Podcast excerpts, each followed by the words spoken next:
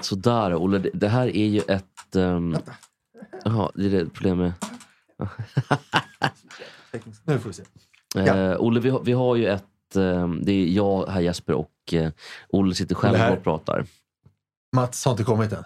Nej, precis. ska vi köra en egen liten jingel? Ja, det bestämmer du. Du är jingelmannen. Jag är jingelman och så får Mats komma in sen och eh, helt enkelt eh, ja, gå igenom eh, den, den riktiga låt. Se om man, om man knäpper idag, det vore ju kul. Jag tror han knäpp, eh, sätter det utan omsvep den här gången. På det första. tror jag, för att han är fokuserad idag. Men vi, vi ska Ja. ta allt efter vår egen jingel då.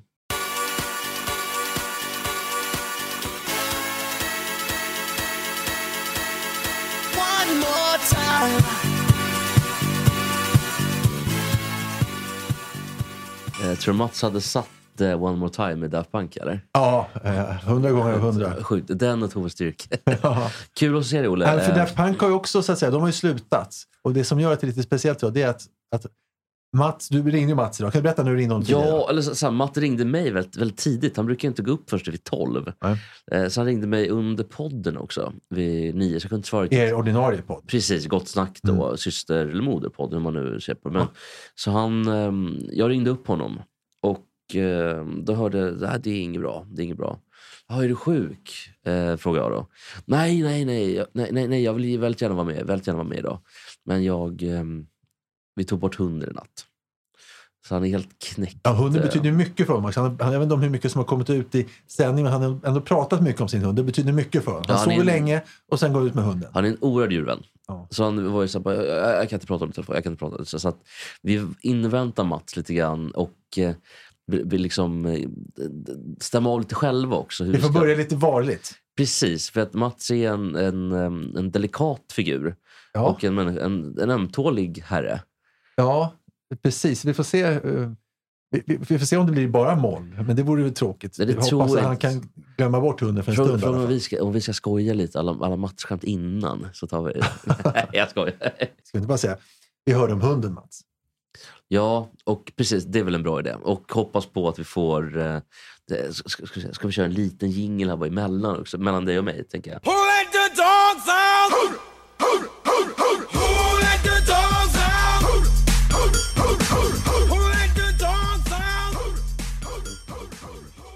Och den sa du, Olle, den hade ju Mats då... I ett annat program så minns jag att han sa Baha men. Ja, han hade satt... Eller gjorde han verkligen det?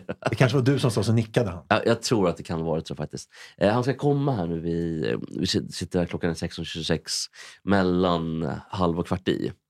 Han brukar ju ta egen bil och parkera på ett jättesmart ställe borta vid en kyrka, för vid kyrkor kommer inga lapplisor. Jag tror att han är här nu. Nu- nu- Eh, nu kommer han med sin massa- Ja, det är. Kommer du öppna då? Alltså? Ja, nu får vi vara väldigt vanliga. Hur mår Ja. du Mats? Ja, det har varit hårda dagar faktiskt. Det, Vill du, jag hörde om, om hunden, det ja, fruktansvärt. det, det är hårda, hårda tider. Det är det. vill du prata om det eller ska vi gå vidare? Eller hur vill du? Vi, vi, vi kan ju snacka om det i podden i och för sig. Så att, eh, Ja, vi, ska det kan vi, vi absolut göra, för Ja. det, det här är Ja, men så, så vi sätter på luren så pratar vi det är vidare. alltid skönt att ja, prata, vi Ja, eh, pratar om saker. Så. Men, men Mats, vad är det för... eh, vad heter låten? Vad heter bandet?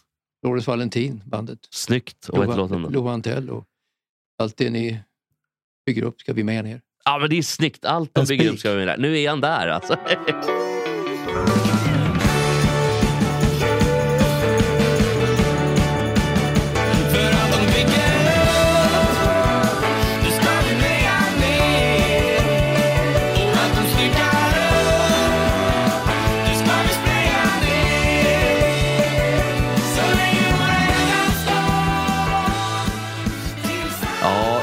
underbara Florence Valentin med Allt de bygger upp ska vi meja ner. Ja, det var ju lite stämning och glatt sådär, men det är ju då deppigt för Mats hund. Vad, vad, vad hette hunden då som var en tax? Eh, Min hund Malle, Stenborg Tax, 15 år, togs bort häromdagen, vilket är nog bland det värsta jag varit med om i mitt liv, det kan jag säga.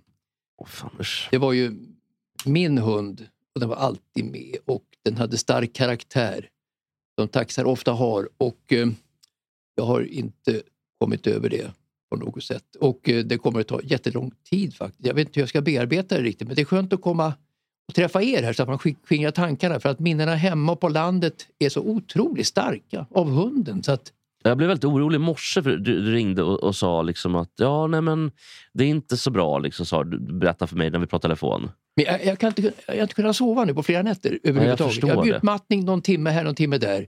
Jag tänkte jag måste sova, sova lite på eftermiddagen innan jag kommer hit då. Ja, men jag var ju alldeles... Jo. Jag var ju glad att du är här bara. Ja, ja, men, men, mellan kanske tre och fyra, eller mellan två och tre och sånt där, kände jag då när jag ringde. Ja, det var det jag tänkte också att eh, det, det var det... eh, Jag blev så glad att du ville komma hit, för vi blev ju väldigt ledsna om du inte hade velat komma hit. Ja, men det skingrar ju tankarna också. För att Precis. det värsta är att bo hemma, i och för sig med frun då kan ju prata, men då pratar vi bara om det här hela tiden. Va? Och det är gråt och tandagnisslan hela tiden. Hur länge sedan är det nu som sprutan? I söndags. Söndag, ja, det är några dagar. Och, ja. Så, så att det har varit så mycket gråt, så mycket gråt, så mycket gråt, så mycket gråt. Jag har svårt, jag har svårt att prata om det faktiskt. Jag har svårt att prata om Ja, jag förstår det. Men fan, det här är... Jag fattar det. Men om man, man ska försöka, för jag kan ändå, för du har haft eh, hund tidigare, eh, en tidigare hund. Jag hade en, en stereotax när jag var grabb också, en, en, en tik. Och sen hade vi då, som jag sa, från 1990 till 2006 hade vi en, en, en stereotax, en hane. Ja. Och sen efter det så ville vi köpa en ny 2007 och nu till nu då, eh, 2022, eh, en, en tax till då. Men den här är så speciell, eller var så speciell och hade så stark karaktär. Vad- Om du ska beskriva eh, Malte då? Eh, Malle, eh, Om du, ska, om du ska beskriva Malle då? Ja, ja, han var så otroligt... Han var ju lite jobbig som, som liten då, överenergisk som hundar ofta Låter är. som att han skällde. Skällde mycket. Det låter som mycket. min hund också, ute på Siggesta. taxa skällde väldigt mycket.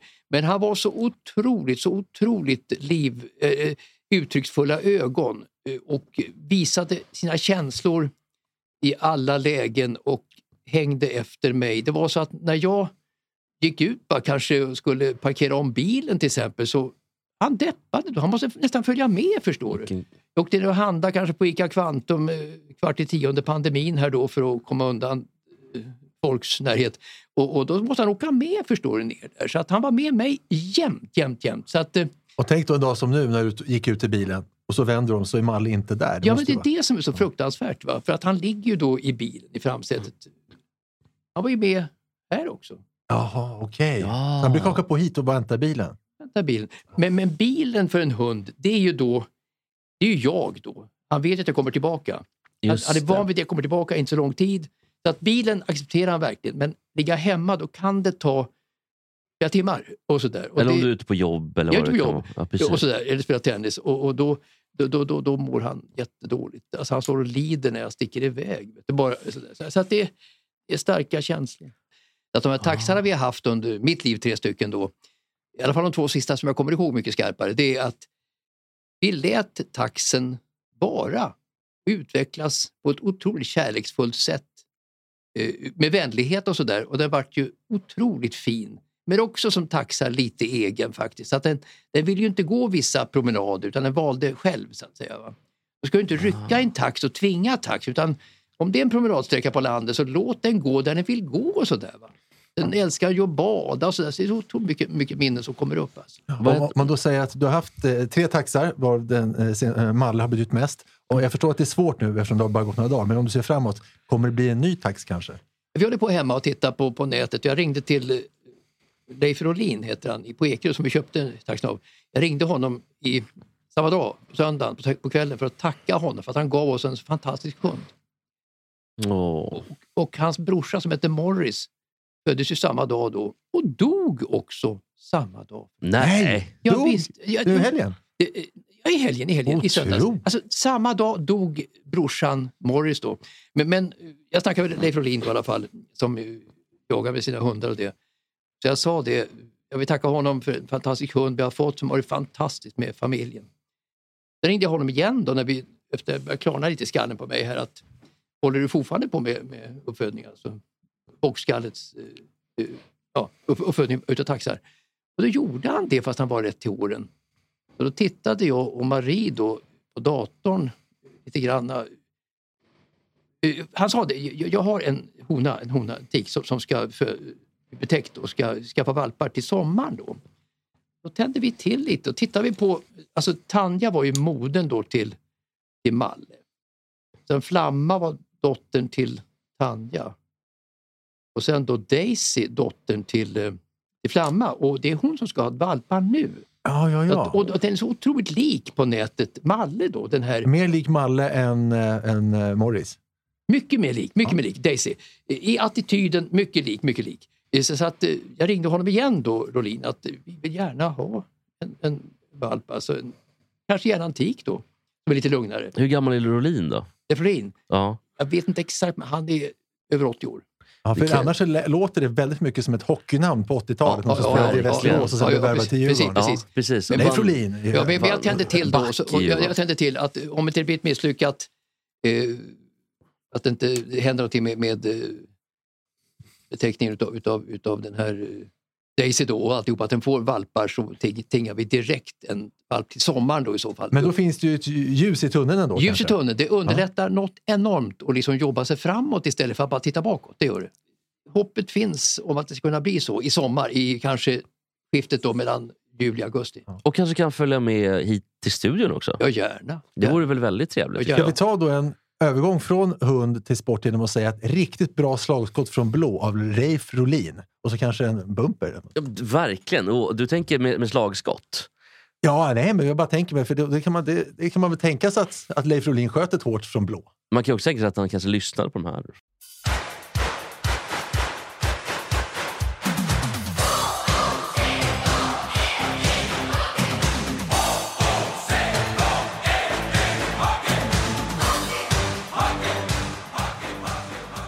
Ja, Håkan Södergren var ju där framförallt Ja. eh, 87. Var, var du, Å- å- å- 89. 89. 80, herregud, det var ju när Globen byggdes. Ja, precis, jag är. 89. Precis, Jobba- jobbade du då? 87. Ja, 89. Ja, just det. Det var ju Winnerstad-Halle. Ja, men jag, jag var ju där och, jag var ju där och jo- jobbade då, för Radiosporten alltså under VM 89 i hockey.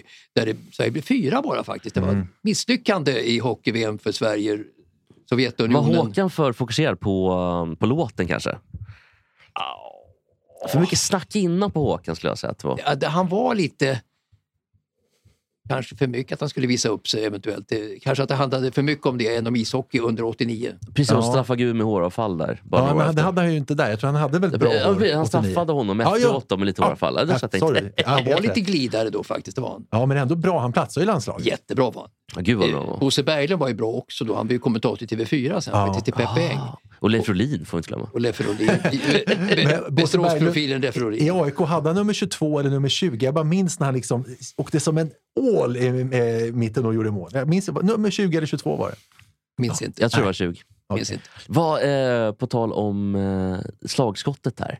Du har ett ämne vet jag, Olle. Du har två ämnen. ja, ja, det har jag. Men jag tänkte först bara knyta ihop lite påsar som vi haft i tidigare program. Ja, vad kul. Vi har ju följt med först så när vi pratade om såna här som har eh, några nemesis, några, några så här spärrar de inte kommer över, så nämnde vi Auger Aliasim. Eh, Just det. tennisspelaren som hade åtta eh, finalmatcher i ATP-turneringar, åtta förluster. Förra veckan så eh, sa vi att äntligen, på det nionde försöket, så, eh, så lyckades han när han slog Tsitsipas. Det kommer ni ihåg? Ja. Nu kanske han är tillbaka i skiten igen, för nu var han final eh, igen, sin tionde final och då torskade han mot Rublev i två raka set. Nej. Så kanske är spöket tillbaka. Vad tror ni om, om Ja, hans ja. framtid? Roblev är ju, Roblev är ju en framtidsman som inte har motsvarar förväntningarna riktigt faktiskt. Han går på miner lite här och där, ungefär som Tsitsipas. Tsitsipas också går på miner här och där. Eh, inte riktigt stabil heller. Titta på Roblev ofta i resultatkolumnerna och det och jag är förvånad över att han får så pass mycket stryk som han får tidigt i turneringar för att han är så fruktansvärt bra. Så. Ja, Den här. Rop, Roplev då? Ja. Roblev. Roblev. Ja. Ru- Rublev, grymt psykologiskt underläge mot Medvedev. De har liksom växt upp tillsammans. Han har väl kanske en seger och hundra förluster. Typ. Oj då. Det kan väl vara så att eh, Roblev har ett sämre psyke då Ja. naturligtvis. Att han blir nervös när det kanske brinner ihop och, och kanske får lite gummiarm då och då. Det verkar så. Men vilken är nästa Major eller Grand Slam nu då? Ja, det, det, det borde du nästan kunna. Nu ska jag säga, vad, vad är det för... Jo, det, Nu är det måste februari. Vara, de måste väl så vara Franska öppna? Bra. Och sen är det Wimbledon, eller Wimbledon som de säger. Wimbledon säger de. De säger Wimbledon själva vissa. Ja, ja. Och sen Utom i, Björn Hellberg säger Wimbledon. Alltså, Då säger jag Wimbledon, men han säger att det är Wimbledon. Ja, ja, det måste vara fel va? det tog fel. Vad säger du? Wimbledon va? Wimbledon. Wimbledon, okej. Och sen så är det då um, US Open på, um, vad heter de där i New York? De här, uh, vad heter stället? Flashing Meadows. Arthur Ashe Flashing heter Meadows. Ja, banan hette ju Arthur Ashe och lite sånt där, eller hur? Jo, absolut. Ja, ja. De byggde, de byggde en ny bana efter Willanders 88. Då. Ett år som följde så var det ju ett Arthur Ashe Stadium. Då. Oh, okej, jag fattar. Och, och vad, liksom, vilken är nu egentligen, för att, det har vi inte pratat om förut. Vilken av tennisturneringarna är störst? Är det Wimbledon eller? Där de tvistade i lärde. Det är ungefär som, som i golf lite grann. Man vet inte om US Open i golf är ju större prispengar än i US Masters. Men US Masters är eh, golfens Wimbledon faktiskt. Det har anorna och framförallt spelas det på samma ställe jämt. Alltså, Just det, på alltså Augusta. golfen spelas inte Augusta. på samma ställe. Det blir inte den här otroliga karisman och magin då. Eh, och, men, men Wimbledon har ju allt där. Men, men US Open anses ju vara större bland spelarna för att det är större prispengar och det är eh, mera, kanske, inte publicitet men eh, jag, går, jag vet inte varför men spelarna säger att US Open är nog ändå tennisens världsmästerskap men Wimbledon är det mest så att säga magiska. US Open har ju också så jäkla svåra banor. De brukar, det är enda tävlingen de brukar eh, kunna vinna på över par i slutändan. Sen som dessertspel så går det över 18 hål. Det är väldigt konstigt. Alltså i golf, golfen då, så att folk är men, med. men, men om man tar det tillbaka till, eh, till, eh, Tennis, till, till, ja, men till, till golfen då. British Open har inte, har inte den mest anor? Ja, de fyra där? Ja, alltså européerna håller ju British Open som eh, kanske det största faktiskt. Om vi pratar med Stensson och sådär med svenska habituér genom tiden så tycker de British Open kanske är störst. Men, men pratar du med, med äldre förståsigpåare så tycker de att US Masters är det mest magiska och det tycker jag absolut.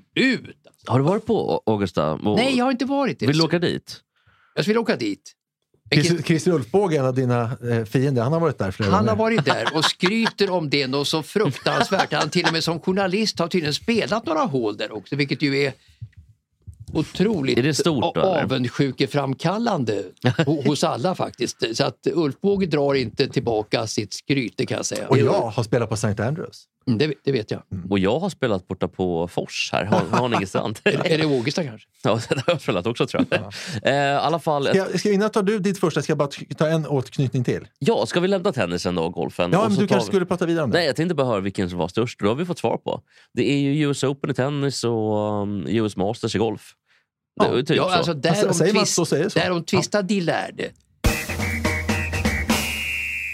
Men då tycker jag vi lämnar tennis och golf. Ja, så går jag och knyter ihop en sak till då. Precis. Förra veckan så eh, konstaterade jag, jag vet inte om ni höll med, men att eh, expertkommentatorn i OS i längdskidåkning, den gamla sprintmannen Peter Larsson, han var ju så jäkla positiv att vad en svenskarna Ja. gjorde så sa han att det var bra. Ja, för positiv.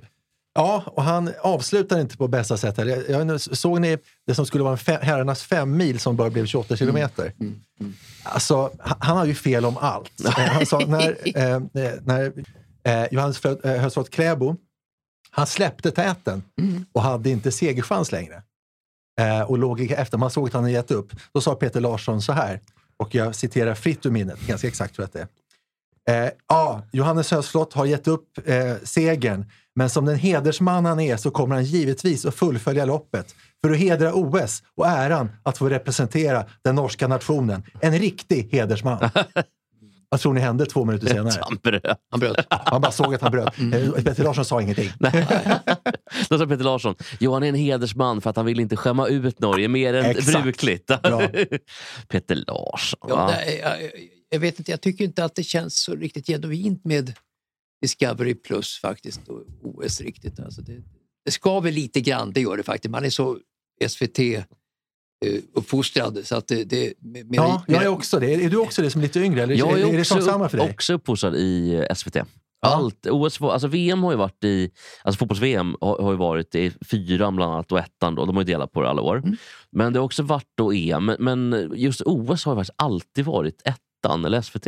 Och du är också lite äldre i sinnet än du är i passet så att säga. Ja, precis. Jag är, är fall mer inne, inne på liksom, München-OS 72 än Ja. eh, OS i Beijing 2000. Ja, Gert Müller är för dig den största.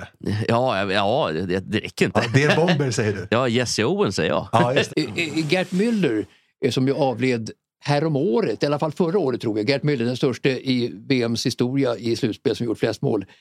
Jag tror att han är född 1945. Jag ändrar mig där. Ja, då 45. bryter vi eh, det här Google-förbudet som är lite, lite flytande. Vi har det, men nu googlade jag faktiskt och du har rätt. 45, snyggt. Okej. Men, men jag, däremot tror jag att det kan vara en felaktighet i, i flest antal mål. Jag tror att det har slagits av eh, den Ronaldo den äldre. Jag tror att han har 15 mål. Jaha, säger du det? Och jag tror dessutom att Gerd Müller bara har 12 mål och att Schys Fontaine Oj, oj, oj, har oj, oj. 13 mål. VM i Sverige vann han skytteligan 58. 1958. 13 Schysst mål. Fontaine. Han gjorde i matchen om tredje pris då mot Västtyskland var det inte tre mål? Där. Jo, jag tror han gjorde 13 sammanlagt under sin karriär. Jag, jag tror Värst, att så. värst vad du kan mycket om detta. Ja, och sen tror jag också att, äh, vänta nu om jag inte missminner Fortsätt, mig. fortsätt bara, jag på. tror att Miros, Miroslav Klose har gått och slagit det här rekordet efter det. Säkert. Många nickmål kan man gissa. Ska, vi vi bryter Google-förbudet en gång till. En gång till. En Ja. gång till. Snart kan man säga att det inte är godisförbud längre. Nej, vi vi får nog faktiskt ta bort det. Eh, vi ska se, målskyttar, VM, fotboll, eh, skytteliga. Jo, så här är det. Topp fyra, är ni med då? Mm. Eh, etta, Miroslav Klose. Gjorde 16 mål i eh, fyra VM. Ronaldo 15. Eh, sen är det faktiskt Gerd Müller 14 mål. Okej, okej. Så att Schysst Fontän slogs av Gerd Müller. Ja, Så tillsammans är ni jätteduktiga. Ska Så också att- sägas att Gerd Müller eh, spelade ju mindre matcher än vad de andra har gjort. Var det att de betydde mindre eller var det möjligt att det var färre matcher? F- eh, färre matcher. Och, eh, Alltså, alltså, Ge- Gert Müller. Gert Müller som av, avled då, tror jag förra året, han eh, hamnade ju efter karriären då i svårigheter. Ja, det gick inget bra. vad hände var ekonomiskt Han då? söp väl ner sig va?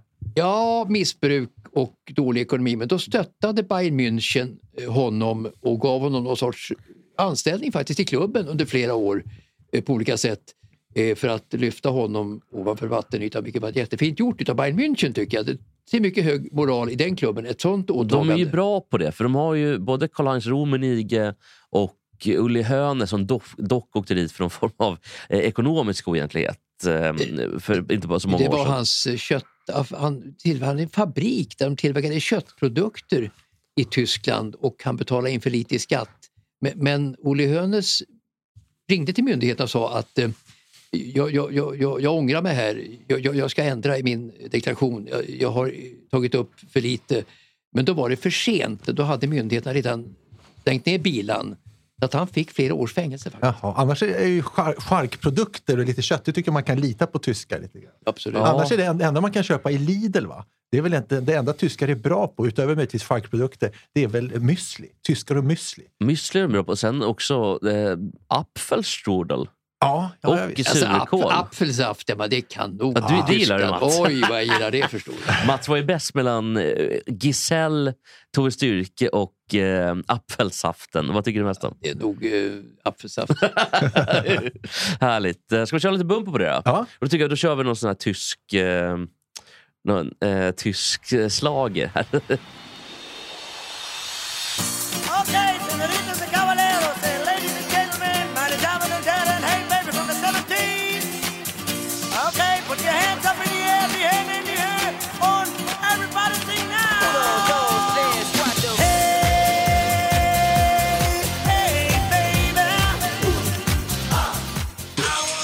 Kräkmedel som... Det är typiskt sån här som man inte kan få ur huvudet om man har hört det. Det är en fruktansvärd låt, är det ju. men det är ändå kul med det här tyska... Sådär låtar som inte får vara med i Melodifestivalen. hörru. Ja, pre- Di- Di Ötzi är ju någon form av eh, liksom, pionjär i det tyska nyslagerundret. Han är österrikare då såklart. Ja. Och Ötzi är ju den här ismannen.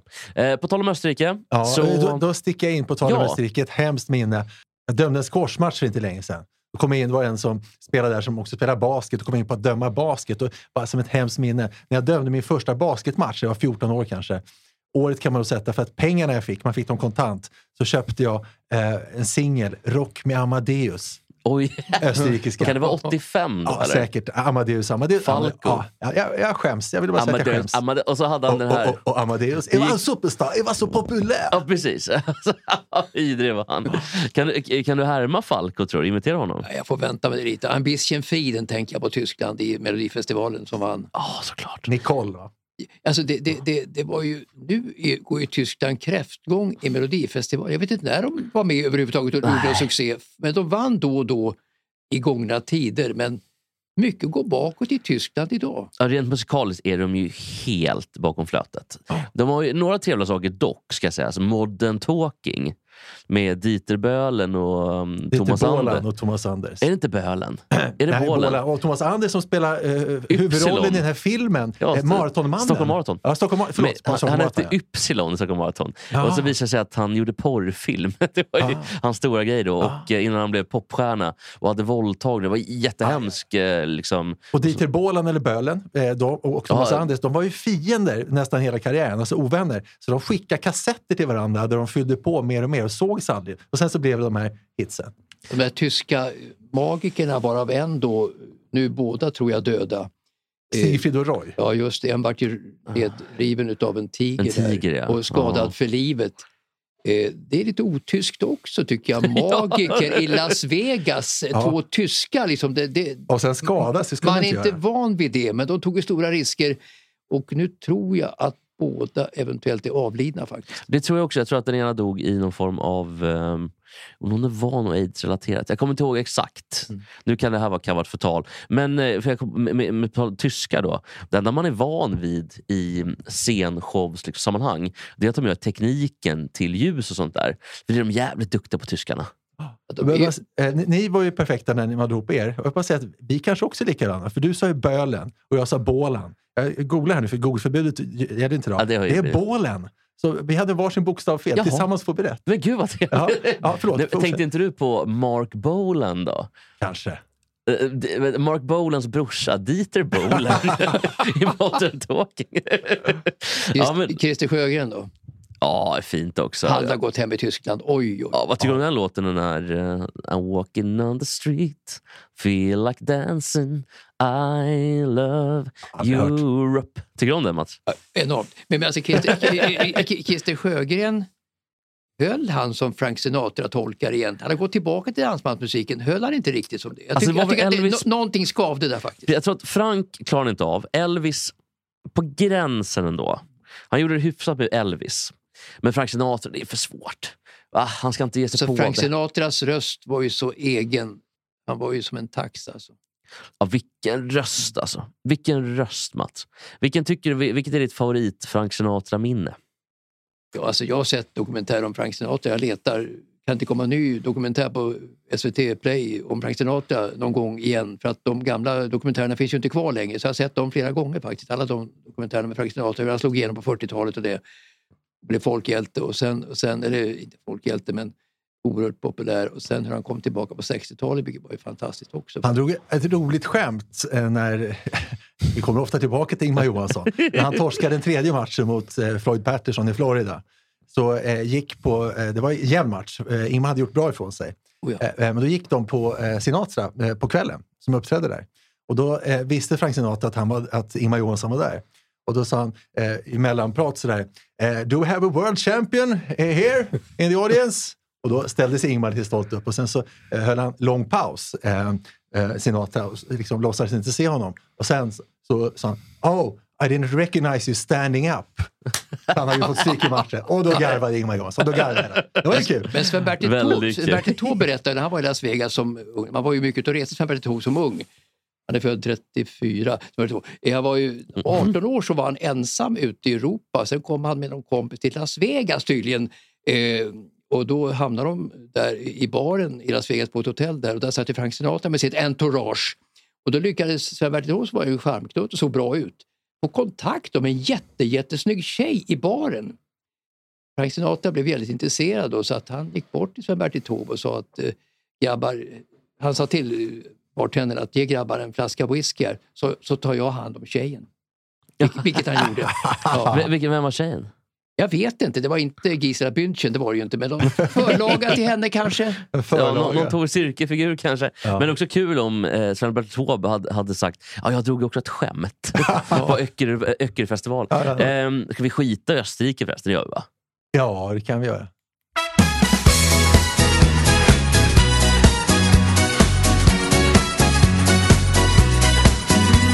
I'm walking down the street, my feet feel like dancing.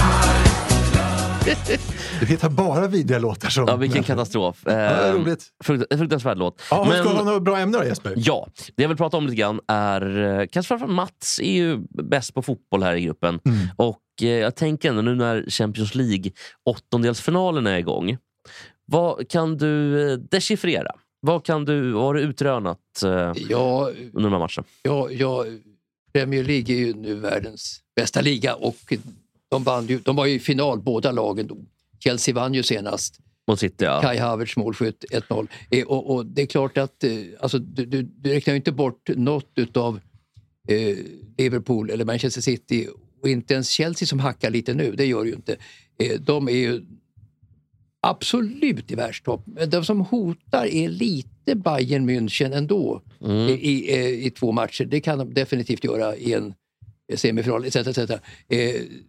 Eh, men i övrigt är det svårt att hitta. Alltså Paris, Paris Saint-Germain är ju eh, felbalanserat laget på något sätt. De är, fantastiska framåt men de har inget riktigt... Alltså, laget hänger inte ihop riktigt. Det är för dåligt Vad är, det för, vad är det för brister tycker du man har i defensiven? försvarsmässigt. Jag vet inte. Det, eh, det är ungefär som, eh, som eh, Tot- det är så- ungefär som Manchester City förut, för några år sedan. De var också felbalanserade. Varje kontring blev till en otrolig målchans och kontringar kommer ju alltid i fotboll. Speciellt mot Tottenham. De förlorade mot Tottenham nu senast och Tottenham som inte kan slå Norwich eller Brighton. De, Ja. de trivs så fantastiskt bra mot Manchester City med en tokoffensiv. För då kommer kontringar med Son och en släpande eh, Kane eh, som brev på posten. Och mycket riktigt, alltså efter tre, fyra, fem minuter när Manchester City möter eh, möter eh, Tottenham, eh, då kommer alltid Son fri. Mycket riktigt senast när Son var fri och passade till Kulusevski som gjorde 1-0. Och mot Liverpool också. Ja. Det är samma där. Alltså, nu gör ju Liverpool normalt sett minst två mål per match. Mm. Men du ska också göra de där tre målen för att vinna en match. Och Tottenham är jävliga på matcher de slipper styra spelet själva. Då ska jag bara säga det töntigaste sportuttrycket som jag hört någonsin som blir vanligare och vanligare. Jag hörde det första gången för kanske tre år sedan. Och så har det kommit som pario och blivit vanligare och vanligare. Och det är kommentatorer, ofta expertkommentatorer som säger när det inte blir något mål på målchanserna, men de testar ändå. Ja, det gäller att ställa frågor till försvaret. Herregud. Men det sa Lagerbäck sa det först. Han sa att det, nu ställer liksom då forwards frågor till backlinjen. Va? Han banar vägen för det. Bana vägen. Men vi håller med om att det är hemskt, eller? Ja, fruktansvärt. Va, vilka, vilka frågor då? När dog, när dog Karl XII? Vilka frågor då? Jag är en jävla quiz där i sammanhanget. Ja. eller? ja, jag håller med dig helt om det faktiskt. Men Och vem eh, börjar säga inspel istället för inlägg? Det har de också börjat med. Ja, det är länge sedan. Vet inte vad Du säger väl inlägg, Mats? Inlägg. Ja. Men, men vingbackar är också något nytt. Ja, alla säger vingbackar. Ja. Jag vet ju i bandy vad en vingback är. Jag vet i fotboll vad en vingback Ja, man kan ändå är störa sig på det. Det är, det är Men- är men- mellan försvar och Nya, ny, mittfältare ny, ny, nya, nya uttryck. Ja, det får jag säga. Ja. Men då vill de ju spela då kanske med antingen tre eller två backar i backlinjen som en eh, tre mittbackslinje. Med eller utan libero? Utan idag Ja, tror jag, jag. Ka- Kajse Frans var väl den tydligaste libron, Ja. Men, alltså, Beckenbauer. Men, men tre mittbackar så vill man ha två wingback, Mm. wingbacks eller wingbackar. Eh, och som City spelar, två mittbackar, wingbacks som ska byta plats då med mittfältarna. Alltså med innermittfältarna. Så i Guardiolas spelsystem då måste ju alla spela, ha, ha möjlighet att spela eh, eller klara av helt enkelt alla positioner. I princip då. Men eh, om vi har tittat nu på de första matcherna. Liverpool har slagit Inter borta med 2-0. Eh, De italienska lagen är ju hopplöst efter. Så är det ju tyvärr. Också Juventus nu för tiden, va? Också Juventus. Alltså Juventus är ett, tycker jag, ett otroligt eh, mysterium. Det är ju egentligen ett bra lag. Hur kan de ligga efter Milan så mycket i serien? som är så jävla dåliga Alltså egentligen. ser du på italienska Serie A så håller ju de mycket sämre klass relativt sett till de andra ligorna än vad de gjorde för ett antal år sedan. Alltså det är jättedålig klass på italienska ligan. Så jag fattar inte att Juventus tappar mark som egentligen ska vara ett väldigt bra lag. De var ju på väg uppåt här nu, eh, trodde man ju. När de värvade in Ronaldo, de var bra några år Och innan. Kulusevski. Eh, Ja, Kulan också, men också eh, man hade då man har länge haft Chiellini, man värvade tillbaka Leonardo Bonucci till exempel. Men man spelar igår då, för nu, vi sitter och pratar på onsdagen här och det här var på tisdagen. 1-1 borta mot Villarreal. Det är så här, Villarreal är ett bra lag, men man är inte på den nivån. Det- är ett mysterium faktiskt. Det är ett jättemysterium. Alltså Juventus är ett lag som bara för några år sedan var en mycket tänkbar finalist i Champions League. Eh, de höll klassen ungefär som alltså Barcelona-klassen i stort nästan för ett antal år sedan eh, med sin starka defensiv och sina spjutspetsar och det. Men vad, vad har hänt sen? Jag vet inte vad som har hänt i Juventus de senaste åren. Jag tror, man spelade final 2016 kanske, eller till och med tidigare, mot eh, Barcelona. Jag tror att det har tänkt bli för mycket pengar. Man hänger inte med. För att de pengarna finns inte i Italien på samma sätt som de finns i England, de finns alltid där i Real Madrid. De finns i Bayern München. Men finns det inga suspekta oligarker eller tokrika prinsshejker som kan gå in i italienska Jo, ligan? jag vet inte varför de inte, jag vet inte varför de inte gör det. Jag tror bara att eh, klubbarna som investerar just nu, alltså affärsmännen i England, de har ju pengar att tjäna. De pengarna finns ju inte att tjäna på samma sätt i Italien. Jag tror att det har med det att göra. Varför finns inte det? För att de har inte samma typ av intresse. De säljer inte ligan på samma sätt som Premier League. Premier League är ju liksom, om man tittar på tv-rättigheterna, vad betalar de? 3 miljarder per år? Eller för Ja, två alltså, år? jag, jag, jag hade siff- siffrorna på bordet alldeles nyss, jag kommer inte exakt ihåg, men faktum är att jag menar, de här engelska lagen nu, de är ju e- ett, ett galleri för hela världen. Jag menar Manchester United, om du kommer till Nya Zeeland så tittar ju de och har prenumererat på Manchester Uniteds matcher. Australien lika gärna och Sydamerika och det. Kina, Japan Ja, herregud, och Hongkong, eh, fotboll. Alltså fotbollen är ju worldwide och eh, Premier League är ju otroligt, otroligt potenta där, vilket ju italienska lag absolut inte är.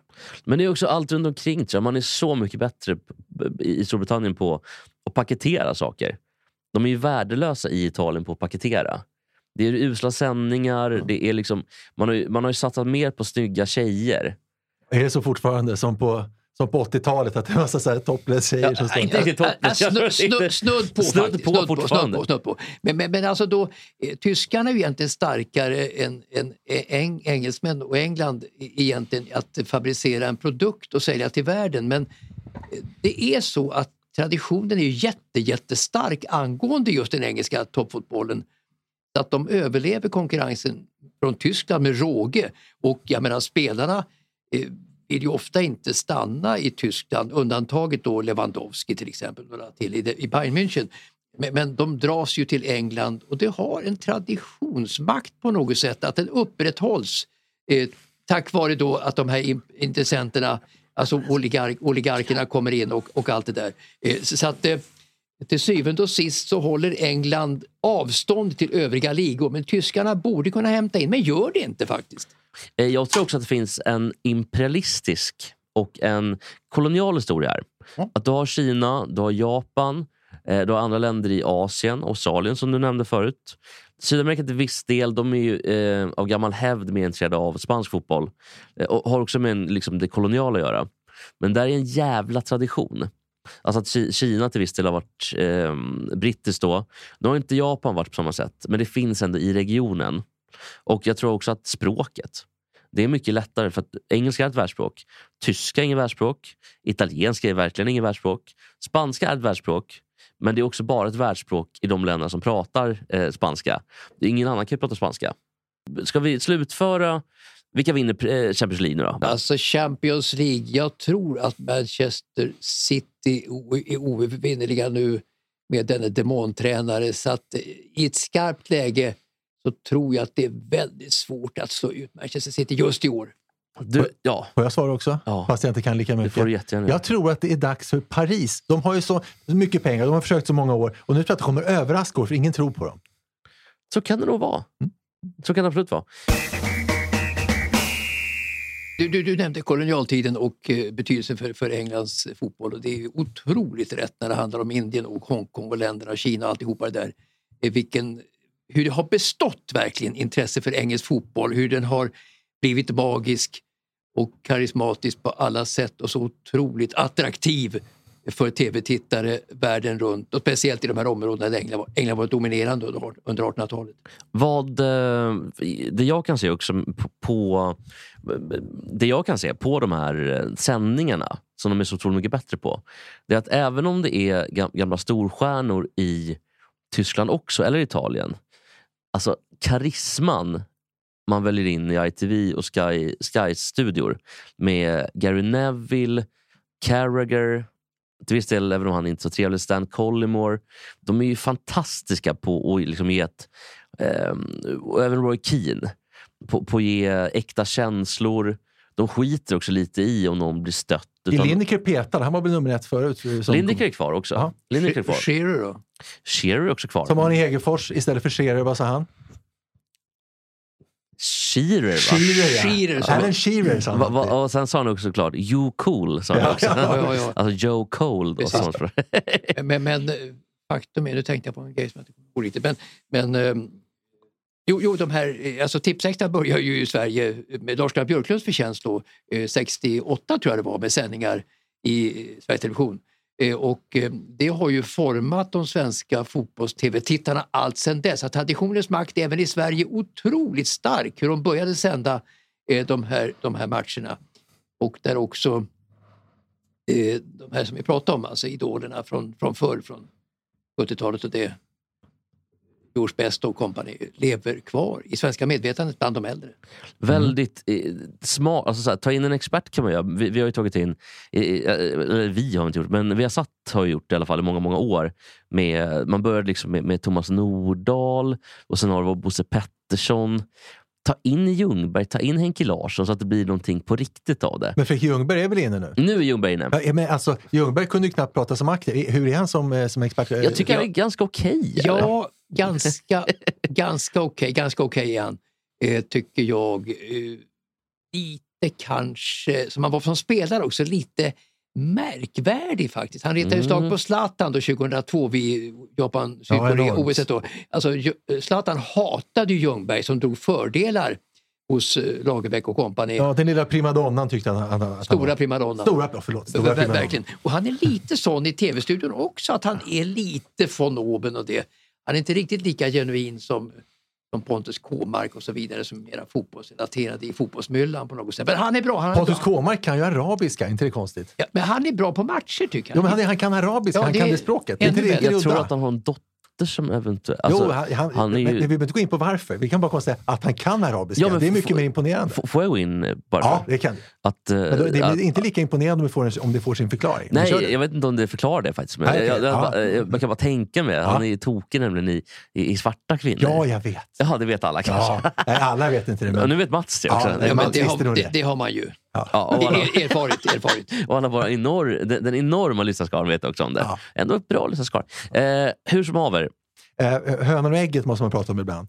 Tror ni att han lärde sig arabiska för att fixa svarta kvinnor? Eller tror ni att han lärde sig arabiska efter att han träffade svarta Alltså kvinnor? K-mark då. Ja, Eh, Svår fråga faktiskt. jag vet. det Smart känns fråga. som att det kan vara någonting som ligger liksom precis, ungefär som i telefonen. Att den uppfanns liksom på typ fem olika platser runt om i hela världen samtidigt. Men det, det var väl när han träffade någon så, som han. Jag tror Mats. Ja. Misstänker nästan det också. Ja. Eller lite, ja, något sånt kan det nog vara. Men eh, en annan grej med, jag tror att Zlatan eh, Ljungberg var 2006. Och det tror jag, eller måste jag framhärda. Och det är för att jag har en tes nämligen. Eh, de spelade ihop i Sydkorea, Japan också. Men jag tror det stora, när det kulminerade, det här bråket då, när han, tacklingen med eh, tacklingen på Mellberg, så där, det var 2006 va? ja, det var det. Tror jag. Och Mats, anledningen till att jag säger det är inte för att slå dig på, på, på näsan eller fingrarna, utan det är att jag tror att eh, jag tror Tommy Söderberg var så otroligt mycket bättre än Lagerbäck på att tygla de här två unga herrarna. Att läsa av människor, ja. Precis, där är inte Lagerbäck bra. Och Jag tror att när Tommy Söderberg försvann så tappade Sverige lite grann av det här eh, gruppdynamiken som var så viktig under Söderberg. Och Zlatan var ju fortfarande eh, under i hierarkin eh, 2002. Eh, men Precis. 2006 hade han kommit upp på Absolut. Ljungbergs nivå, kanske förbi. Nej, han var ju 21 år då bara, alltså i 2002 års och Precis. kom med som, eh, som avbytare i stort. Ja, han fick ju spela lite grann. Han var ja, avbytare, ja. visst var han Ja, det? just det. Eh, I match som, i, i åttondelsfinalen så var han ju faktiskt ganska fri och kunde ha avgjort den matchen där Sverige förlorade. Mot Senegal, ja. Och Senegal. Hemskt var. Eh, och, och det. Men, men Zlatan var ju, var ju då en, en kille som började blomma ut och som hade självförtroendet växte ju naturligtvis då med platsen i 2002. Så att det är helt rätt, 2006 var han ju jätte, jättestor och tämligen märkvärdig. Jag tror ändå att Tommy Söderberg hade kunnat uh, Grabbar, visa glädje. Måste ha det trevligt. så, dubbla led under, nicka här, nicka här. Alltså att det fanns en helt annan... Eh, Lagerbäck var alltid lite buttra. Är fortfarande Ja, men Eller- behövdes ju för trivseln naturligtvis. Han var ju mycket, alltså Såklart. Lagerbäck är ju alltid mycket, mycket teoretisk och mycket, mycket butter alltså. Men han, är ingen trivselknutt överhuvudtaget men Nej. jag vet inte om Söderberg kunde ha gjort underverk med Zlatan som en kugge i ett kollektiv trivselmässigt. Ja, det hade varit int- intressant att veta. Ja, Om han hade lyckats stort med frågetecken där. Och Tommy, Intressant. Tommy Söderberg fortsatte då med sina travtermer och allting. Tänk på att Ljungberg ligger i döden så jag, och du ligger fram i spets. Men hans tänk gick ju hem då i, i laget. Ja, men med grabbarnas sätt, de såg ju att det var en, genuin humanist, Söderberg, som har hjälpt många unga grabbar eh, och vid sidan om planen. Grabbar faktiskt. på glid som man skulle säga. på glid. Han har offrat sig för grabbar på glid på ett väldigt, väldigt humanistiskt sätt. Långt ifrån den typ som Lagerbäck är. Han är ju som sprungen ur den svenska fritidsgårdstraditionen. Men båda är GIH givetvis. Just det. För I, I grunden ja, såklart. Ja. Det är bara att de är olika. Men jag tror också, de funkade nog väldigt bra. Ja, kompletterar varandra bra. Det känns också som att eh, Tommy Söderberg skulle kunna åka hem till föräldrar och sånt där. Ta hand om det här nu. Jag lämnar Han har, precis, han har snusat hela kvällen och, och sen eh, somnat i sina egna spyor. Ta hand om det här. Det kommer gå bra. Han ring till Zlatans farsa. Men- han Refik. Så här, du Refik, vi har problem här nu borta i Sydkorea. Så han, han är stökig Zlatan. Han är stökig. Han har släckt ut sängar och grejer. Men, men jag tror att alltså, Tommy Söderberg gick inte hem bland byråkraterna på fotbollsförbundet riktigt. De ville ju ha en Lagerbäcks typ som var väldigt organiserad och otroligt eh, eh, disciplinerad och så vidare.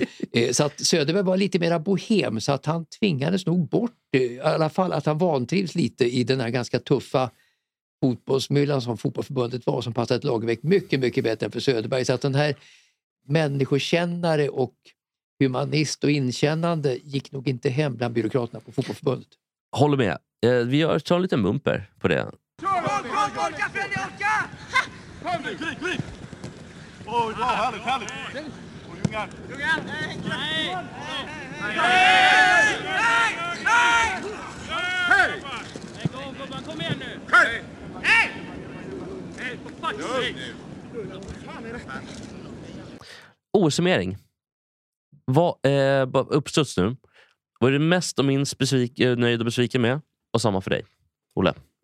Jag, jag, har, Mats börjar. jag har en fundering också när man tänker tillbaka på gamla OS, speciellt vinter-OS då, där Sverige inte alls lyckades förr i världen utan tog kanske bara någon enstaka guldmedalj. Eh, är Sverige så in i Norden bra nu 2022 eller är det Sovjetunionen och Finland som har tappat så otroligt mycket av någon anledning? Välfärdsfinland har tappat i friidrott och även i skidor och backhoppning något otroligt. Och Sovjetunionen har gjort detsamma faktiskt. Så att det hjälper Sverige upp på toppen att dessa enorma vinterländer inte längre är med. Det ska väl sägas att Sovjetunionen inte längre finns. Ja. att det är 32 Ja, år sedan. vi förstår vad vi Eller menar. 30 år sedan. Men vi förstår att nationer runt omkring också. Men så Ja, kan du... Dopade sovjeter de behövdes ju för att kunna konkurrera med Norge som faktiskt är det mest framgångsrika vinter-OS-landet någonsin. Eh, Även med- medräknat Sovjet slash Ryssland. Också lite halvdopad va, misstänker jag. Ja, jo, det är klart. Se bara på Johaug. Men, men, men, Precis. men förr i världen var det ju fantastiskt om, om Magdalena Forsberg då lyckades eh, i världscupen, dock inte i OS, lyckas och vinna segrar. Men nu är det ju vardagsmat för Sverige att lyckas i skidskytte och det vet att, att, att, att det är sån tradition efter Magda nu så att Sverige är så bra i skidskytte att, att vi kan vinna stafetten i överlägsen stil. Och sen att Jonas Sundling då i sprint som har kommit till, det fanns ju inte för sprint för damer och herrar, att det har gjort Sverige till en enorm nation i skidåkning. På damsidan då, alltså herrarna släpar ju efter för Sverige överallt utom något undantag. Kalle Halvarsson är väl... Han är på gång. han har ju varit på gång. Han, han stod, eh, såg en artikel här i Aftonbladet. Jag satsar vidare mot Cortina också. Ja. Jaha, Kalle. Vad, Vilken otur. Men Frida Karlsson, är ni missnöjda eller tycker ni mest synd om henne? Ja, alltså hon är en ung tjej och har haft ett otroligt tryck på sig nu eh, med kamperna mot Johaug och sådär. Så jag tror mentalt har hon inte orkat med den pressen riktigt skulle jag, skulle jag tro. Hon är lite för ung och lite för grön för att orka med denna, dessa omänskliga förhållanden som det var i Kina med denna enorma blåst och enorma kyla och enorma påfrestningar. Så att hon dukade under mentalt skulle jag tro. Men Johaugen då, får man säga det? Vilken, oavsett dopad eller inte, vilken idrottskvinna eller? Ja, fast är hon dopad så... Nej, det kanske hon inte är nu. Men, men det är lite som att man skruvar upp henne i ryggen så bara kör hon på. Det är inte så kul. Det är lite så va? Hon det... behövde en Björgen som slog henne. Men jag, jag tycker tvärtom lite grann om, om, om eh, Johaug. Hon har också haft en väldig press på sig naturligtvis från ett idrottsälskande land som är ännu mer idrottsälskande än vad Sverige Speciellt när det är skidor. Så att hon har stått pall för dessa enorma krav då och tar de här gulden individuellt, hennes första i OS. Vilket ju är jättestarkt tycker jag. Det tyder på en kraftkvinna av enorma mått. Eh, full beundran från min sida faktiskt att klara dessa enorma Jo, krav. det är bra. Det är bra. Eh, Hon har också bara ett förnamn och ett efternamn och inget mellannamn och det tilltalar mig. Ja, det var trevligt. Men du då? Vad är du Eh, Ja, mest men det är bäst förstås eh, van der Poel. Framförallt eh, 5000 i första, där han låg så mycket efter och tog det på sista varvet. Det var ju För, för 10 var ju otroligt. nästan lite, 10 000 meter, var- det var ju lite Ja, det var ju för lätt promenad att ta världsrekord. Ja. ja. Ja, men det, och sen så tycker jag det, det tråkigaste som varje OS de senaste gångerna, det är ju just att femmilen, som, nu blev det ingen femmil, men om man tar så, att det inte är eh, enskild start. För det, jag vet att det inte är unikt, jag vet att de flesta tycker så i alla fall i Sverige. Men det här med att de inte förstår i de stora länderna i södra Europa, vem, om inte den som går först i mål är den som vinner. Frankrike, Italien, Tyskland. Och därför att de bytte. Så att de kör tillsammans allihopa nu. Det blir så jävla tråkigt. Och sen så blir det liksom ofta en spurt på slutet. Istället för att kunna få sitta och njuta och ta tider, timme ut och timme in, tendenser. Det är, det är en stor del av livet som har försvunnit. Och den kommer tre- kanske aldrig komma tillbaka. Men det var också en tre mil i år. Inte en fem mil. Nej, men, Två- de, två jo, men de, de drog ju ner för att det var så kallt. Men det som tycker skulle jag ändå en inte var bra. Tycker jag. jag Nej, gillar nej, inte men det. det var Det, det, det är tillsammantaget, alltså en femmil är ju en klassisk klassiker för svenska eh, alltså idrottskonnässörer sen Sixten Jernbergs dagar naturligtvis och gode gud Gunde och alltihopa av Wassberg och Johan Olsson i Val di Fiemme. Ja, va, 2000 vad som, oj, vad som har hänt där. Och jag håller verkligen med om att det ska vara för konnässörerna att man har klockan och att de har enskild start för att nå upp till full potential. Men Mats, tänk när Johan Olsson kommer in där på, på upploppet i Val di Fiemme. Jo, det var gemensam start. Visst var det det. Ja, det var det. Ja, det, men det det var var- något av ett ett- undantag. Ja, det var- det var verkligen ett ett undantag från den här, från den här regeln. Ja, Ja, Ja, Jesper, du då? Ditt bästa och sämsta? mitt, bästa, eh, mitt bästa minne är väl egentligen att eh, Lag Edin äntligen fick vinna curlingguldet. Kändes det bra? det, kändes faktiskt- fjärde försök. det kändes ändå bra. Och de satsar vidare mot Cortina, verkar det som. oh, pust och pu. Eh, Milano Cortina. Och, ja, precis så. Men det som det sämsta minnet det var väl egentligen att um, Lag Edins tes om det här med, eh, som vi pratade om förra veckan, eh, med kropp, kropp och fysik. Att det, ehm, att det inte stämde. Alltså, vad, var det för tes? Du upp, upprepat teset, för... var, eh, tesen var att cur, idag måste du vara tränad för att kunna curla. Och så kom det ehm, amerikanska laget och bekräftade undantaget istället för regeln. Men det var kul. Vi hade Per Lindholm med i Första Mästarnas Mästare 2009. Peja då såklart. Peja, ja. Per Lindholm. Och han eh, hade, ville just bevisa det som eh, var en tes, att, att man är väldigt vältränad som curlingspelare. Det var viktigt för honom. Så han har kört Ironman för. Han har förberett sig något enormt. Och han ville visa verkligen hur duktig eh, idrottsman han var. Och han var duktig i tävlingarna, men han hade oturen att redan i program tre så blev han vald till nattduellen. Eh, och så fick han stryk och åkte ut. Och han blev så väldigt deprimerad. Ja, vem mötte han då? Eh, Jag har glömt bort vem han mötte. Men han, eh, han eh, vägrade åka hem sen. Så att han var kvar i byn som hette eh, Alcalá la Real och låg en bit, eh, säg 15 mil norr om Malaga upp i blåshål, kallt som fan. Och där var han kvar för han var så deppad och ville inte åka hem. Det var sorgligt. Det var synd om, synd om Peja. Stackars och, Men på tal om curling, det det herrlandslaget i USA då. Vet jag att du har en USA-nyhet?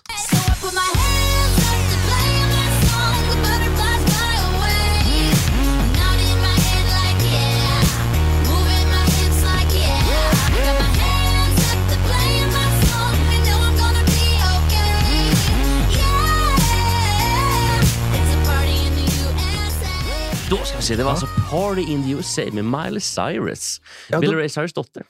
Ja, ja, ja, just det. Jo, men du har ju varit eh, collegemästerskap i USA, inte bara OS. Personligen har jag suttit och kollat, eh, lika mycket som på OS har jag faktiskt kollat på squashen. Eh, college-squashen. Och den sänds direkt på Youtube, flera banor samtidigt. Är inte det sjukt? Alltså är det alla sporter då i college eller är det bara squash? Nej, alla, alla sporter har varit. Eh, och Är det här stort samtidigt. i USA eller? Gissa, Mats. Visst är det... Ah, ah, ah, Alltså college, college är ju... Jag tänker mer på golfare på Jordan Spieth och som gick på college och träffade sin blivande fru på college. Ja, okej. ja. Men vad gjorde det då? Eh, Jordan Spieth. Eh, Vad, vad heter Jordan Spieth? eh, Spieths? Ja, vad Fru. heter hon nu? Jag, eller Barbara kanske? ja, vi säger Barbara så länge. Barbara Bush hade varit en skräll. Ja, det hade varit en skräll. Det var det kanske ja, vi, vi, vi har inget Google-förbud idag, så kolla det du. Ja, vi kollar det. Eh, Ja, fortsätt du, eh, Nej, det kan jag inte. Vi Mats. vi måste ha svar på det här. Någonting med B i alla fall. Men, men, men college är för mig mycket golf faktiskt. Alltså golfen eh, rekryterar ju från, från college naturligtvis i USA. Ja. Det, det gör de verkligen. Eh, men i övrigt, eh, college och det här med, med squash låter ju, det visste jag inte om faktiskt, att de sände på Youtube. Alltså då Nej, ja, det är mycket som sänds på Det hade jag YouTube. ingen aning om Och det är för finsmakarna här verkligen. Verkligen för Ja, ja, finsmakarna. Eh, vi hade alltså, eh, Sverige hade fyra svenskar med i olika lag. Eh, tre killar och en tjej. Bäst individuellt gick det för, eh, för Nanna Karleke som tävlar för Trinity College i San Antonio, Texas och för Fritjof Jakobsson som tävlar för Drexel University i Philadelphia. Det visste jag inte. Nej, det är få In- som vet. Jag sa att det var för finsmakarna. inte Ja, men det var väldigt finsmakarna namn. Ja, men nu kommer till saken. Det har också varit simning. Eh, stort eh, eh, och, eh, i USA, college-simning. Och i damklassen sopade Lia Thomas rent eh, och tävlar för Pennsylvania. Och här ska vi lyssna på målgången på vad trevligt. 200 yards. Leah Thomas will capture the win in the 200 yard freestyle with a time of 143.12 seconds. Så, så lät det, eh, bara för att bekräfta att, det hände på riktigt. Alltså 1.2 seconds, var det så? Ja, det vete sjutton. Men alltså Det är hon, helt vansinnigt i så fall. Ja, hon var otroligt snabb. Hon vann också 500 yards eh, med hela fem sekunder före tvåan. Vann också 100 yards samt, samt lagkappen, alltså superstort. Fyra grejer. Och på 500 och 200 så slog hon till och med nationella college-rekord någonsin. Och den här exceptionella segraden, den är lite speciell och uppmärksammats en hel del. Be- Kan ni gissa varför det är lite speciellt? Den här extrema eh, seger, eh, segerraden för, för eh, Lia Thomas. Kan det vara så att hon har vunnit alla de här grenarna, eller alla distanser i, i alla grenar? Men, men det jag tänker på... Det är alltså frisim ska jag säga, som vi pratade om. Frisim, om jag det. Okej, att Men- inte krålar. De som är, bra, de som är bra, bra simning under en period vinner ofta väldigt många titlar och guldmedaljer. I OS Ja, den som vunnit flest någonsin är ju Phelps. ja, ja, alltså, även Mark Spitz då vann ju hur mycket som helst Mm. då, tidigare på 70-talet, tror jag att det var. Eh, Så att du har ju många fenomen i simning som varit överlägsna, som varit massor, massor med guld under samma OS. Precis. Men det är nämligen så att eh, den här Lia Thomas som sopade rent nu eh, tävlade i tre år eh, på college fram till 2021, 2019, 2020, 2021. Hette då William Thomas och tävlade som man för Pennsylvanias herrlag i simningen. Då var han en medelmåtta. Nu sopar hon alltså rent. Eh, Hon är alltså den främsta eh, eh, kvinnliga, college, kvinnliga inom citationstecken då, eh, college-simmaren på damsidan någonsin. Och så här säger Lia själv om sina framgångar. I'm very proud of my times and um, my ability to keep swimming and continue competing. And, you know, they're suited up times and I'm happy with them. My coaches are happy with them.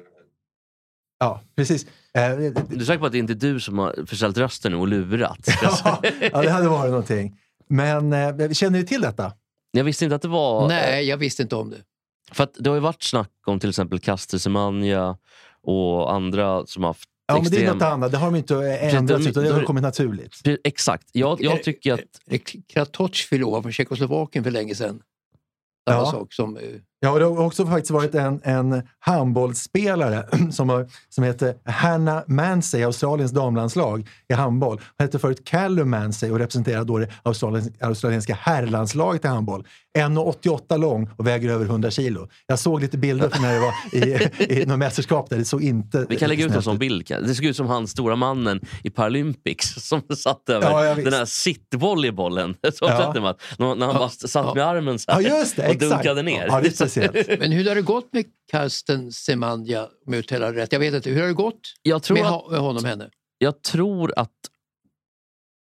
Vill hon bli kallad för hon eller han? Eller han eller Ja, hon? det, ja. Hen finns ju inte i, i Sydafrika, så det blir svårt. Det finns heller inte i idrotten. Nej, just det. Så det är ett problem då. Men, men Ja. säger Och har hon, hon försvunnit ifrån, ifrån, Ja, jag Jag tror hon blev ifrån, ifrån, bi- från bilden? Ja. alltså, jag tycker att det här är... Damidrott riskerar ju på sikt. Ja, men vi, vi, får komma dit. Jag ska kö- köra vidare. Ja. Eh, Lea Thomas då, eh, rent, ni hörde, det, det lät ju inte riktigt än så länge. Alltså, Lea Thomas käkar då testosteronblockerande medicin. Ja. Men den har inte kickat in ordentligt som ni hörde. Nej, det verkar att hon har, Nej. hon har tagit fel. Ja, lite så. Hon har kört eh, eh, kanske ett år, men det är liksom, fortfarande så är hon ju inte eh, kvinna. Under konsumtion, men, men, men det är också lite spännande för att allra jämnast blev det i finalen på 100 yards. Där slog eh, hon eh, simmaren som tidigare vunnit på 50 yards, eh, Yale Universitys Isaac Heinisch, eller Heinisch med bara ett par hundradelar. Det var ett riktigt sprintmästarmöte där alltså. Och vad tror ni speciellt med Isaac Heinisch? Han har också varit en kvinna då, eller? Nej, han har varit en kvinna. Nej. Han är på väg att bli en alltså, kvinna. du, precis. Han är pågår, eh, genomgår en förvandling från kvinna till man. Har opererat bort brösten och simmar till skillnad från sina konkurrenter då inte i baddräkt utan endast i små speedos. Precis som vilken manlig simmare som helst. Men får uppenbarligen tävla damklassen ändå. Så det var riktigt liksom möte där i finalen. Som då Thomas vann. Stora Okej. halloj-mötet. Ja, men visst är det en soppa? Ja, ja verkligen. Och var ska det sluta? Jag, liksom? jag hade ingen aning om det, just det här. Nej. Ingen aning. Nej, och och sen så får man säga, det har ju blivit en del, det har ju blivit uppmärksammat det här i USA. Eh, för att man, ingen får ju säga att det, det är, att det är fel eftersom det går emot gällande... Eh, eh, ja. Men vi, vi i Politisk, podden får göra det. polit, politisk korrekthet, ja. ja, men precis. Som Vi i nu- podden kan väl ändå säga att det här... Ja, vi, det, vi, vi kan säga, men för, så här var det, men för Pennsylvanias universitet de fick lite kritik inför det här mästerskapet för att Thomas skulle vara med, för alla förstod att Thomas skulle vinna. Och den första februari, alltså ett par veckor före mästerskapet, så gick samtliga Lea Thomas 40 lagkamrater ut i ett gemensamt uttalande från colleget där de stödde Thomas rätt att tävla i damklassen. Några dagar senare så, hade nämligen, så har faktiskt 16 av dem anonymt i smyg skickat individuella brev till arrangörerna av collegemästerskapen där de skriver att konkurrensen sätts ur spel när, när Thomas tillåts tävla i damklassen. Och då när journalister söker de här 16 för att de vill göra en grej av det, då törs ju ingen av dem gå ut eh, och visa. De kan bara, törs bara vara med anonymt. Eh, eftersom det går mot rådande agenda. Det känns inte riktigt hundra. Nej. Får man säga det som ändå... Nej, men alltså, jag, det, är ju, det, det, det mänskliga det är ju då att de går bakom ryggen och eh, anmäler till arrangörerna då att det är en ojämn konkurrenssituation. Det, så, så gör ju medtävlare ofta. Men samtidigt är det ju en politisk korrekthet bland de högsta dignitärerna. Att man, eh, så är det ju all, organisationen, att ju högre upp du kommer ju mer politiskt korrekthet är det ju naturligtvis. Men den här Carsten Semenya också kommer upp på IAAF så stödjer ju de här eh, hennes rätt eh, att vara som hon är naturligtvis. Men går du Ja. ner sen lä, lägre ner i, i människornas eh, undervegetation Ja. så, så, så, så träder ju det här fram, det här primitiva tyckandet som är eh, ja, långt ifrån politisk Jo, korrekthet. jo, men Semenya är en sak, för Semenya har ändå inte tagit några hormoner. Semenya är ju som, som person som hon slash han, han är. Men här, vad, vad tycker ni man ska göra i det här läget? För det, det är ett svårt läge för att, för att för, eftersom de här, Lea Thomas har genomgått puberteten som man och då kan ju då enligt de som kan sånt här aldrig, kan ju aldrig förlora de fördelarna. Så att det som jag eh, tycker att det är ju, och som många tycker då, av, av motståndarna, det är ju tjabbigt för att de bästa kvinnorna kan ju aldrig bli bäst om det ska vara så här. Nej. Vad, vad tycker ni att Nej, jag- vad ska det, göras? det, det, det kan jag hå- hålla med om verkligen. Alltså det, det är ett, en ojämlik konkurrens naturligtvis på, på det här sättet. är det ju. Som med Krat- Kratochvilova från Tjeckoslovakien som vann OS-guld och så vidare. Samma sak där. Så att, Är det var- fortfarande, jag- fortfarande jag- världsrekord va? världsrekord. Känns, som- känns som ett ofrivilligt könsbyte Men- av men- men- Ja, jo, jo, men det är jag, det. jag, tycker Kratochvilova. nog, jag vet inte, jag tycker nog att det är lite fel att åsidosätta en, en konkurrens. Ja, det tycker också de som fick stryka. Vad säger du Jesper? Få höra Nej, men jag, jag tycker nog att eh, man, man i så fall bör införa en tredje klass. För att det är klart att alla människor måste få rätt att tävla. Mm. Och eh, man måste få rätt att uttrycka sig genom sitt eget kön och, så, och hur, man nu, hur man nu ser på sig själv. Och, för att många mår väldigt dåligt av det här. Eh, men samtidigt så är det så enormt många människor som eh, aldrig kommer kunna vara med och tävla på lika villkor. Nej, så kanske en, en ny klass då, kanske en klass för biologiska kvinnor. ja, En klass för biologiska män och så en klass för eh, könsöverskridare kanske? Eller? så tycker nog jag Det är kanske. nog att- enda sättet att lösa det för att hur man nu vänder och vrider på det så är de andra alternativen sämre. Tänk nästa skandal, den här hedersordförande Samaran som han nu lever, eller vem nu, vem Han det är nu död. Ja, han är, okej, vem det nu är som är ordförande i IOK föreslår att jo, de här könsöverskridande klasserna, vi tar med dem i Paralympics. Fattar du? Fattar Men skandalen. det är de gamla spanjorernas sätt att se på de här frågorna. Så Det de, tror som jag. var med Franco då under, andra världs, eller under kriget mellan världskrigen. Eh, Francos hejdukar, alltså Samaranch var ju en utav dem. ja. Jag skickade ett, tyckte jag, ganska oskyldigt sms till en kompis som bor i Norge, en svensk kompis som bor i Norge efter eh, stafetten, damstafetten. Då skrev jag att det ändå var ödmjukt av, av för Norge gick ju dåligt för damerna där, att de hade en paralympiker på, på en sträcka, nämligen Röiseland, som ju inte är över 1,50. Och då sa han, eh, han kul liksom, men han visade för sina norska kompisar tydligen, och de kan ju inte ta sånt, alltså att de blir arga. De kan inte ta det. Han garvade flera dagar, de blev superarga. Jo, men det är lite norskt över det där. Ja, Jag vet inte om humor. norrmännen har så mycket humor. Har de det? Nej. Nej. Nej, de är väl inte bra på någonting egentligen. Alltså, Ska vi enas i det? ja. Men, nej, men jag måste bara med, med den här debatten, för att den är ju väldigt intressant. Eh, däremot tycker jag att om man eh, då motsatsvis från kvinna till man, för du har ju inte samma fördelar. Och då tycker jag att det ska vara okej. Okay. Jag tycker även att det ska vara okej om en kvinna är lika bra i fotboll, självklart vara med och tävla med männen. I, men så blir det samma där med, eh, med publicitet och allt. Om de bästa bara spelar med herrarna, då blir det ingen så dålig produkt eventuellt. Som i golfen till exempel kan det ju bli. Ja. Så det kanske inte heller är något bra. Det kanske är bäst med sporter där man, de, eh, kvinnor och män kan tävla på lika villkor. Vad har vi där? Alltså, skytte Bowling borde vara så. Bowling Ja, borde vara så. jobba. Biljard, Ri, väl vara- hästhoppning. Hästar framför allt. Ja. Där är ingen skillnad alls. Ska vi ta bort alla andra sporter? Har vi lösningen där? Ja, det, kan, det kanske kan vara någonting. Nej, men det är väl så här sport i alla fall. Man, där skulle man ju faktiskt kunna ha kanske med en gemensam klass. Eller kanske inte. Jag vet Nej, inte. kanske inte. Det är bara i, ridning, hästhoppning man har det va? Ja, alltså där Ja, ses ju där individerna det. exakt lika. Exakt lika så att, eh, det är svårt att applicera på andra sporter kanske. Det är klart, det är också häst. Det, det, det blir ju tyvärr lite som att jämföra... ehm, vad ska vi ta? Äpplen och päron, kvinnor och män. Alltså, så här, inga, jämförelser, jämförelser i övrigt. Men det blir lite som att de tävlar ju inte med ardennerhästar eller kallblod. Utan det är väl typ arabiska fullblod eller vad det kan vara för någonting. Så att det är väl ändå inte riktigt samma såklart. Alltså själva hästarna då. Ja men spännande hörni. Eh, Ja, ska Men vi... du har ju kanske trav också. Trav, Jo, där, där går jag, precis. Men Bra. där är det ju ändå två olika klasser. Var Legolas kvinna va? Eller var Legolas Nej, man? Legolas har man, men Ja. Ina Skott kvinna. Ina Skott, precis, Ina Skott men problemet ja. är 90, eh, Var det 95 eller var det 2005 som vann Prix Eh, d'Amérique? 95 var det ju. Ja, så, med, Det är länge, det är länge sedan. Det är ja, länge. Helena och Johansson. Helena Johansson. Och så hennes man där som stod. Kjell P. Dahlström. Kjell Vilket, Pedal. vilket genombrott. Vilket igen. Det får man säga. Och, men det, det, det jag tänker bara där på att det är ju samma där. va? Man tävlar ju faktiskt både i varm och kallblod. Så där är det hästarna beror lite mer på.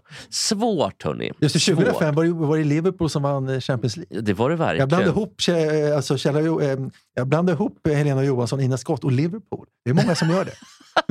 Det tog, det tog några år för Liverpool. Det tog några år mellan ligagulden för Liverpool. Ett antal år. Det tog 29 år va, tror jag. Det.